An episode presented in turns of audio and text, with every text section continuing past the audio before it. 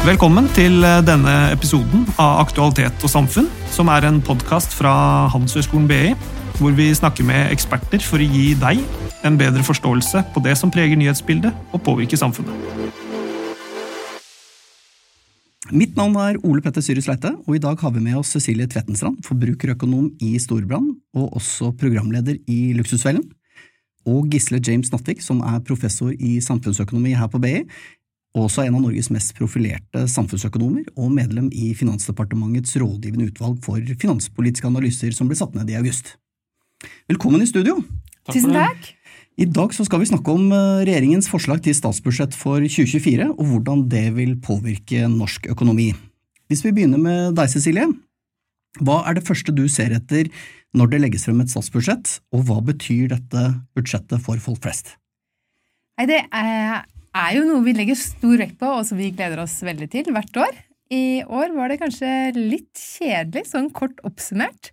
Men det første jeg gjør om morgenen, det er jo selvfølgelig å høre Eh, finansministerens tale, eh, hva han legger vekt på. Og i år så var det at han skulle godtgjøre barnefamilier og pensjonister. Det var de som kom til å bli vinnerne, var han tydelig på da. Mm. Så legges jo nasjonal, eller tallene frem klokka åtte. Og da ser jeg etter de om eh, det er en overraskelse der. Er det noe som vil få påvirkning på lommeboka vår i tallene som er lagt fram? Sånn som hvis de hadde vært veldig rause med budsjettet sitt, kjørt en ekspansiv pengepolitikk, så, finanspolitikk, så kunne det gått utover boliglånsrentene våre. Så er det å se etter eh, om de leverer på det vi tenker at de burde levere på, og om det er noen eh, negative overraskelser som kommer. Veldig bra. Når det kommer ny politikk og tiltak som potensielt får økonomiske konsekvenser, hva er de vanligste spørsmålene du får i rollen din som forbrukerøkonom i Storbrann da? Nei, alle er jo egentlig seg selv nærmest, da, så de lurer på hvordan dette vil påvirke oss, meg, lommeboka mi, min situasjon. Det er jo det man lurer på. Mm. Snakkes det jo i store termer og masse om eh, skatteletter og omfordeling, og man håper jo at det drypper litt ekstra på sin egen situasjon. Så er vel sannheten det at uh, sjelden så har det veldig mye å si for lommeboka vår. Mm. Sånn i det store og det hele. Gisle, du forsker annet på makroøkonomi og pengepolitikk. Så bare for å sette rammen og gi oss et overordnet blikk, kan du dra oss igjennom de store linjene i budsjettet, sånn du ser det, og hva er det knyttet mest spenning til i forkant av et statsbudsjett? Um, ja, årets budsjett, da, for å ta det først. Uh, som Cecilie sa, så har det ikke sånne kjempestore uh, overraskelser. I fjor så hadde de jo noen sprelske skatteendringer og sånt, så det var lett å kommentere på budsjettet. Uh, I år så er det ganske sånn rett fram. Det er ingen betydelige overraskelser. De har et strukturelt oljekorrigert budsjettunderskudd. Det er det som brukes til å, til å vurdere finanspolitikken i forhold til handlingsregelen. Eh, på 400 milliarder omtrent. Mm. Så får man se hvordan det slår ut. De har, noen, de har noen anslag der for prisveksten, så man kan jo lure litt på De 409 er vel det nøyaktige tallet de har putta i budsjettet, men man tror ikke man skal henge seg for mye opp i akkurat om det er 403 eller 409. Så jeg tror det er mest hensiktsmessig bare tenkt det som 400, mm. som er omtrent 2,7 av oljefondet. Eh, så det er jo, I forhold til handlingsregelen, den sier at det skal ligge på sånn rundt 3% så de ligger jo litt under handlingsregelen. Ehm, men det virker jo helt streit og, og, og, og fornuftig. Det er ikke et spesielt stramt budsjett, eh, i og med at man øker jo pengebruken ganske vesentlig fra i fjor. Og man øker pengebruken mer enn eh, verdiskapingen i Norge øker, iallfall eh, på fastlandet. Så BNP øker mindre, og det gjør at man da får det som kalles en positiv budsjettimpuls, som er et teknisk begrep Finansdepartementet er begeistra for. Jeg er ikke så veldig glad i det ordet, for jeg tror det er veldig få som skjønner hva det egentlig er. Men det? betyr egentlig at bruken av oljepenger øker mer enn den underliggende beregnede veksten i BNP. Vi kan komme litt tilbake til det senere, kanskje, om mm. akkurat det begrepet. Mm. Men det betyr iallfall at de planlegger å øke pengebruken litt mer enn de tror BNP vil vokse. Mm. Um, så er det en stor post der, som for så vidt er ny, som ikke pleier å være der, og det er Ukraina-krigen. Ehm, det virker som det er ganske bred politisk enighet om at vi ønsker å, å bruke mer penger eh, fordi det er krig i Ukraina, og hjelpe Ukraina. Eh, så her er det satt av 40 milliarder omtrent, litt avhengig av hvordan man regner, det, regner på det. Ehm, det er 32 milliarder som er for å håndtere flyktninger som kommer hit, og så er det 15 milliarder omtrent til hjelp i Ukraina hvorav halvparten av det er på er til forsvar, til militærhjelp. Og så er det litt forskjellig hvor de posterer det, på bistandsbudsjettet også, eller om det Mesteparten er ikke på bistandsbudsjettet, da, så vidt jeg har skjønt. Så turtler man litt med inntektsskatten, gir noen små lettelser her og der, men som Cecilie sa, dette er ikke noe som monner for noen, tror jeg. Så jeg tror ikke det gir noen forskjell på verken oppsiden eller nedsiden, men kanskje du har noe å komme der? ja? Ja, Det var én eh, gruppe som faktisk utmerka seg ganske greit i år. Det er jo småbarnsforeldre med barn i barnehage. Ja, barnehage, der var det, det var stor endring. Da. Der har det gått ned med da det blir kutt med 30 da, fra 3 til 2000, er det det? Ja, det er riktig. Eh, så, så hvis du har to barn i barnehage, så får du faktisk 1500 eh, kroner mindre i måneden. Ja, fordi det er en sånn rabatt der i utgangspunktet. som man får. Ja. Mm. Riktig. Eh, men bor du i distriktet, så får du enda mer. Da Da får ja. du faktisk 1500 per barn, eller 28 000 i året hvis du har to barn eller flere. Ja, så det drar på litt, da. Hvis du tenker at folk betaler sånn 40 eh, skatt for den siste kronen de tjener, så er det som å liksom Hvis du får barnehagerabatt på 30 000, blir det sånn som du skulle tjent 50 000 mer eller noe sånt. Exactly. Det er jo kjempedeilig lønnspålegg å få. Så det er jo det, det manner. Eh, ja. Eh, og så eh, på den overordna siden igjen så har du dette utskjelte arbeidsgiveravgiften. Eller iallfall utskjelt av økonomer som meg. Mm. Jeg syns det var en forferdelig dårlig idé da de kom med det i fjor. Økte arbeidsgiveravgiften med 5% på inntekter over 750 000. De har ikke fastet ut det. De har hevet innslagspunktet fra 750 til 850 000. Men halvparten av den økningen da, den kommer jo bare av at det er inflasjon. Så Hvis de skulle beholdt innslagspunktet uendra, så ville det gått opp til nesten 800 000 bare pga. inflasjon. Så det at de har hevet innslagspunktet til 850 000, er en minimal De har ikke fjerna den arbeidsgiveravgiften. Uh, I det vesentlige så er den, er den, der akkurat som før. Det tror jeg er eh, svært uheldig for norsk uh, økonomi på sikt. Den, den, den typen midlertidige såkalte skatteendringer er det ganske bred faglig enighet om at ikke er fornuftig. For vi har veldig høy skatt på arbeidsinntekt fra før av, som er et stort, potensielt stort problem. Eh, man prøver å beregne det empirisk i, i, forskning, så er det litt varierende hva man finner, men jeg tror det er ganske bred enighet om at den typen skatter på en måte den siste timen folk jobber, mm. den kan være ganske ødeleggende for insentivet til å ansette folk og til å, til å jobbe. Så har man også noe, et nokså optimistisk anslag for prisveksten i år i budsjettet. Det var jeg litt overraska over, for jeg trodde de kanskje hadde jeg tenkte kanskje de ville kompensere i år med å være pessimistiske, siden de var så veldig optimistiske i fjor og bomma totalt. Eh, men de har kommet med et optimistisk anslag igjen og tror at den skal ligge på 3,8 eh, mens Norges Bank så vidt jeg vet, har i sitt siste anslag noe sånt som 4,8 Det er ikke kjempestor for så lenge som vet hva det er, men det virker litt optimistisk, og jeg er litt spent på hva de gjør hvis de bommer. for det, det anslaget er litt viktig, som vi så i fjor, for det gjør at hvis du budsjetterer med kroner, og du bommer på prisveksten, betyr at de kronene du planlegger å bruke, de strekker ikke så langt som du tenkte da du la planen. Og hvordan de da vil reagere på det ute i, i februar-mars, når, når, de oppdager da, at de har bommet på prisveksten, hvis, hvis de gjør det. Mm. Så Basert på andre prognoser som ligger der ute, så vil jeg tippe at de bommer i året òg, og at mm. prisveksten kommer til å bli høyere enn planlagt, og at de vil politisk kommer, må de da oppjustere pengebruken. Mm. Eh, etter det, basert på eksisterende prognoser andre steder, så vil jeg tippe at det, det skjer i år. Men selvfølgelig, de kan jo ha rett, man vet jo ikke dette er helt sikkert. Um, Annet enn det, så det er en også Det er en det er noen prognoser her for hvordan de planlegger å øke offentlig konsum. Ehm, det er ikke kjempestore tall, men du ser gjennom budsjettet at det er jo generelt da en økning av statens avtrykk i økonomien. Som det er greit å være oppmerksom på. Det er, det, det er kanskje ikke noen stor overraskelse, det er jo tross alt en, en sosialdemokratisk regjering. Mm. Uh, så det er på en måte greit, det er et politisk valg. Men det er noe engang sånn det er. Implikasjonen av budsjettet er at statens avtrykk i økonomien i Norge øker. Det er kanskje den viktigste punchlinen for mm. årets budsjett. Mm.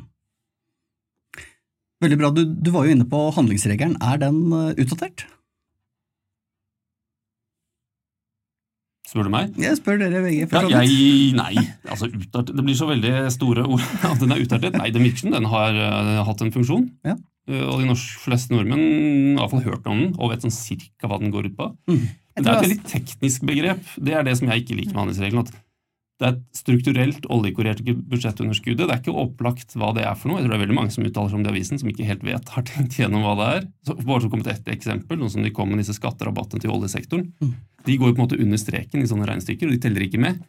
Eh, så, så, så um, Eh, og, og, og, det som det finanspolitiske utvalget da, kom og kommenterte på for noen år siden, som er litt eh, foruroligende, er at regelen da gjør automatisk at den åpner for mer pengebruk når aksjekursene i verden stiger, altså når prisingen av eh, det som oljefondet eier, går opp, uten at egentlig det underliggende lønnsomheten i de selskapene nødvendigvis har endra seg. Altså det man tenker på som utbyttekapasiteten i selskapene som oljefondet eier. Det er ikke sikkert den har gått opp, eh, selv om prisen har gått opp, for det kan være at prisen går opp bare fordi rentene går ned.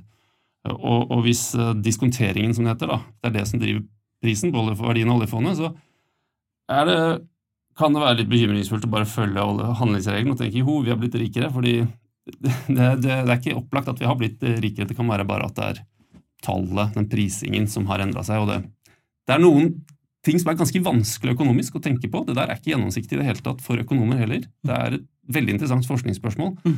Men det at uh, vår finanspolitikk er så knyttet til noe som er ordentlig vanskelig å forstå, det er litt foruroligende. Mm. Du vil kommentere, Cecilie?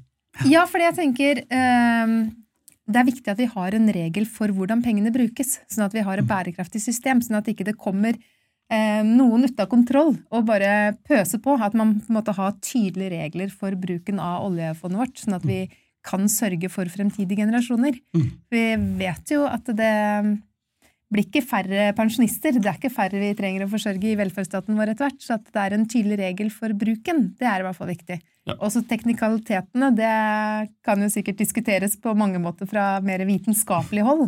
Mm. Men eh, jeg tror nok det at vi fikk eh, handlingsregelen, at vi fikk mm. opp eh, strukturen, det har jo vært med på å funde og etablere godt fundament i velferdsstaten vår. Det, ja, jeg er enig. Og det er det å tenke på hva er alternativet. Skal han begynne med en sånn mer komplisert versjon, som kanskje er mer faglig riktig? Men den skal jo stå seg godt blant politikere og folk flest og ha den type sånn demokratisk oppslutning uh, for å virkelig uh, ha noen effekt. Det virker som den handelsregelen nå funker sånn tålelig bra. Så mm. det er, det er, gode grunner til å være forsiktig med å, med å eh, endre den, tror jeg. Og så er det en ting som er viktig å huske på med statsbudsjettet. at Man tenker at det, det legges ut, det er jo ganske stor pott med penger som skal fordeles. Men store deler av budsjettet er jo allerede forhåndsbestemt. Mm. Eh, pengene skal jo gå til å drifte akkurat sykehus, skoler, trygdede, pensjonister, Eh, lønninger til offentlig ansatte. Så det er jo en liten del som regjeringen legger frem på statsbudsjettdagen. Mm. Du, du, var jo inne på det, Gisle, at dette er ikke et stramt budsjett. Eh, men hvilke type spørsmål får dere i Storbrann, eh, Cecilie, nå etter statsbudsjettet er fremlagt? Hva er bekymringene der ute blant folket?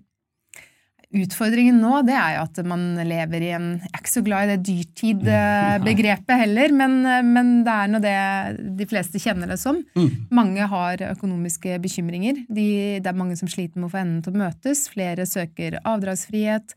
Flere søker forlengelse av lånet, opplåning på lånene sine, for å få rett og slett betale hverdagslige utgifter. Og hadde nok håpa at det kom noen lettelser i budsjettet som ville bidra til at det ble lettere egentlig å håndtere økonomien i hverdagen. Mm. Men samtidig, hvis regjeringen hadde levert på de løftene, så hadde jo Norges Bank reagert med å sette opp boliglånsrenta enda mer. Så det er jo ikke noe tvil om at regjeringen hadde en ekstremt vanskelig balanse med budsjettet de la fram også. Mm. Eh, så kan man jo diskutere om de har kommet med nok støtte til de som virkelig trenger det. Eh, videreføre bostøtten og utvide barnetillegg for uføretrygda og dagpenger. Det, det, er jo ikke alle som har eh, barn, og det er mange som har det ekstra tøft nå, så det Men der vil jeg nok tro at de får eh, en liten forhandling med SV i Stortinget før budsjettet vedtas, så det mm. kan nok komme litt endringer der. Det gjør nok det. Det er fortsatt lang tid til budsjettet skal eh, spikres. Så er det jo også veldig fascinerende sånn Vedum kommer og i år er pensjonistene vinnerne, og så er jo det eh, reglene for regulering av pensjon som gjør at pensjonistene kommer heldig ut i år. Det er jo ikke noe med statsbudsjettet å gjøre, selv om det har gjort at vi må sette av mer penger i statsbudsjettet.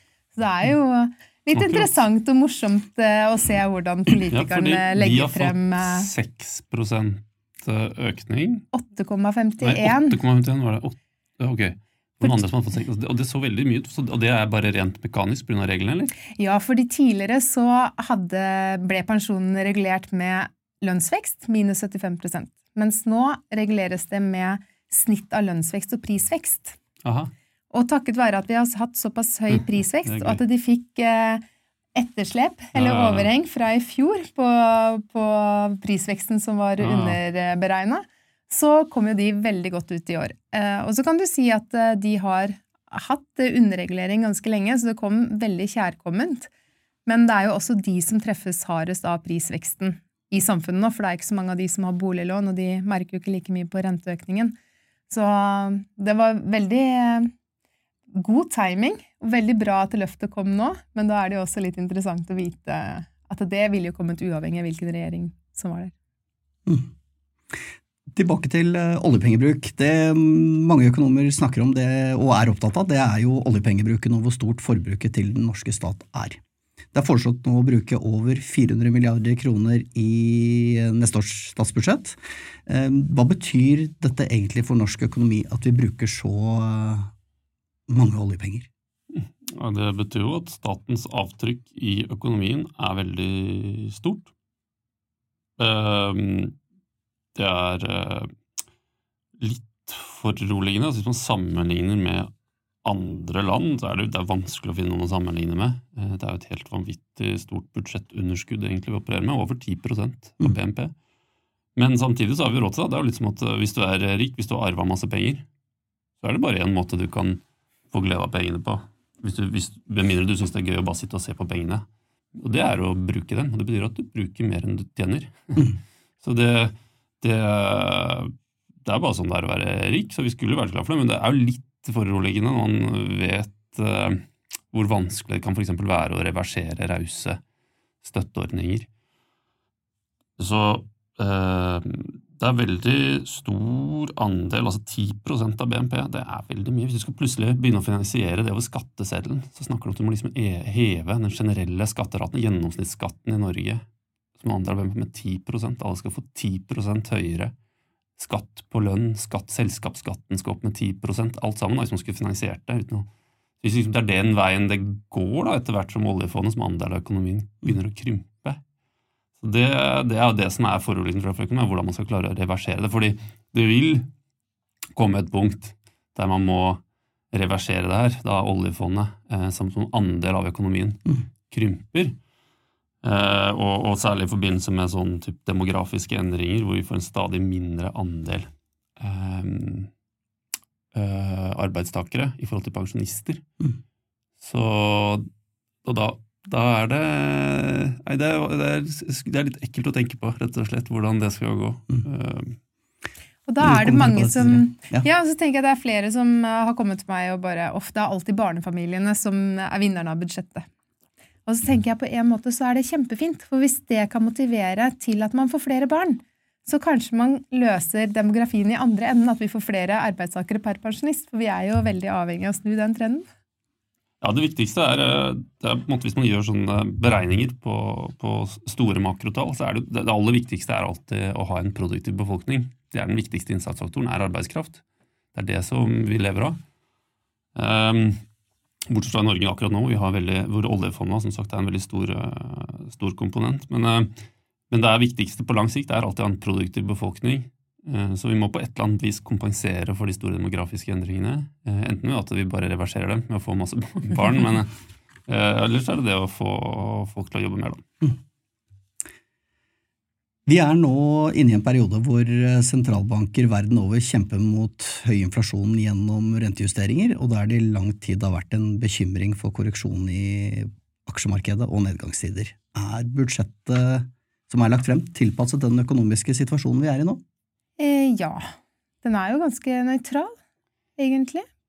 Vil ikke påvirke sentralbanken i noe særlig grad, sånn som tror det er omtrent som, som forventa. Så kan man diskutere om det som er forventa, er eh, som man ønsker at vi skal være. Men eh, som sagt, det norske folk valgte en sosialdemokratisk regjering. Så da bør det jo ikke komme som en stor bombe at en sosialdemokratisk regjering ønsket et stort statlig avtrykk i økonomien. Det statlige avtrykket i økonomien ble ikke spesielt mye mindre av å ha en uh, høyreregjering heller. Så jeg tror det er der på en måte den Dette årets budsjett er ikke spesielt eh, i forhold til økonomisk situasjon i Norge, verken pluss- eller minussiden. Men det er en veldig stor andel av økonomi, norsk økonomi til sammen, altså 400 milliarder, som er dette årlig korrigerte budsjettunderskuddet, er mye i forhold til BNP. Uh, som uh, ja, Hvor stort er fastlands-BNP? er noe sånn som 4000 milliarder, altså i underkant av det. Så det er litt over 10% av det. Det. det. er der på en måte den store problemstillingen ligger, tror jeg. Ikke sånn om budsjettet er tilpassa økonomisituasjonen akkurat her og nå, disse konjunkturbeslutningene. De blir ofte, får ofte veldig mye vekt i den offentlige debatten, og blir det inflasjon av dette budsjettet og sånn. Jeg tenker Det blir ofte, tillegger ofte det er litt for mye vekt, disse småtingene. Så det er på en måte krusningen og variasjonen. Hvis du ser på den store størrelsesorden, er det der eh, Det er nok der det vanskelige spørsmålet er, da, om dette kanskje staten begynner å bli litt vel offentlig sektor, som andel av økonomien kanskje begynner å bli så stor, mm. uh, i forhold til at antageligvis så må det reverseres. Hvis ikke så hadde det ikke vært noen problemstilling. Men liksom, da har vi, har vi, planen klar for reversering. Mm. Jeg tviler, men uh, jeg kan ikke helt se den. Og hva Norges Bank eh, vil gjøre videre med renta, det er vel flere ting som påvirkes, også med valutakurser og mm. hva sentralbankene rundt oss gjør. Mm. Men tror du folk vil eh, merke stor forskjell i 2024? Med tanke på det budsjettet her? Ja. Studentene har jo fått eh, De fikk 7 eh, vekst i støtte, studiestøtten. Mm. Mm. Men det er klart, de fikk jo det fra august allerede, så de har jo allerede fått den endringen. Men det er klart, 800 kroner i måneden for en student, det hjelper nok litt. Jeg tror ikke de fleste føler at de kommer helt hjem. De må nok jobbe litt ved siden av i tillegg. Mm. Men som for en helt jevne mann uten de minste barna eller de eldste, så er det ikke store endringer man vil merke. Mm. Eh, mange folk sliter jo nå, og de venter tiltak og støtte som eh, kan hjelpe litt på lommeboka. Eh, samtidig som regjeringen sliter med oppslutning blant velgerne. Et populært budsjett kan gjøre jobben til Norges Bank vanskelig og gå utover de, som, de av oss som har boliglån. Hva tenker dere blir de vanskeligste avveiningene Norges Bank og regjeringen må gjøre fremover? Norges Banks vanskeligste avveining er eh, dette spørsmålet med mm, inflasjon versus eh, utviklingen i, i realøkonomien, eller arbeidsledighet, sånn kort, kort, oppsummert. Mm. Um, så, og det, det, er det de har vektlagt nå. I, ja, de vektlegger jo alltid det, men de har snakket spesielt mye om de siste årene, siden inflasjonen har plutselig blitt så veldig høy. Um, jeg tror Min forståelse av det budsjettet er at det er omtrent det Norges Bank har sikkert har sett for seg. Uh, så jeg tviler på om det her eh, endrer noe særlig på de planene Norges Bank signaliserte på forrige rentemøte. Mm. Altså det aller viktigste for både regjeringen og Norges Bank det er nok at folk beholder jobben sin. Uh, uten inntekt eller med arbeidsledighet så går det ganske drastisk ned i inntekt. Uh, da blir det ekstra krevende å håndtere økonomien nå. Så Barnefamiliene de har de nok eh, fått god oppslutning eh, hos, men eh, utover det så er det nok andre virkemidler de må bruke enn statsbudsjettet for å få opp populariteten igjen. Men mm. Eh, det aller viktigste for folk det er nok å sette seg inn i situasjonen deres. Bare gå over og se hva de kan kutte nå, for det er klart at det blir litt tøffere før det blir bedre igjen økonomisk, og det må vi regne med at det, vi kommer til å i hvert fall ha høyere rente på boliglånene i hvert fall et år til, eh, hvis ikke lenger. Og så er det jo viktig å huske at vi ønsker ikke veldig lave renter igjen. Da skjer det ting i økonomien som vi i hvert fall ikke vil ha. Da er det mange som mister jobben. Da er det mye som eh, går altfor feil vei. Eh, så mer normale renter, å ha boliglånsrente på rundt 4% det er helt normalt, og det, det må vi tåle. Men nå er den jo selvfølgelig en del høyere enn det. Mm. Et lite blikk på, på fremtiden. Eh, tidligere så gjorde jo eh, Støre og regjeringspartiene et eh, hva vi kan kalle et relativt svakt lokalvalg. Tror dere dette budsjettet som nå er lagt fram vil være populært blant velgerne og vil kunne gi en oppsving mot stortingsvalget i 2025? Det er et godt spørsmål. Jeg har ikke peiling. Jeg vet ikke, men det er som sagt ikke de helt store endringene, så kanskje det er bra. Det er vel litt sånn stø kurs aktig over det, da.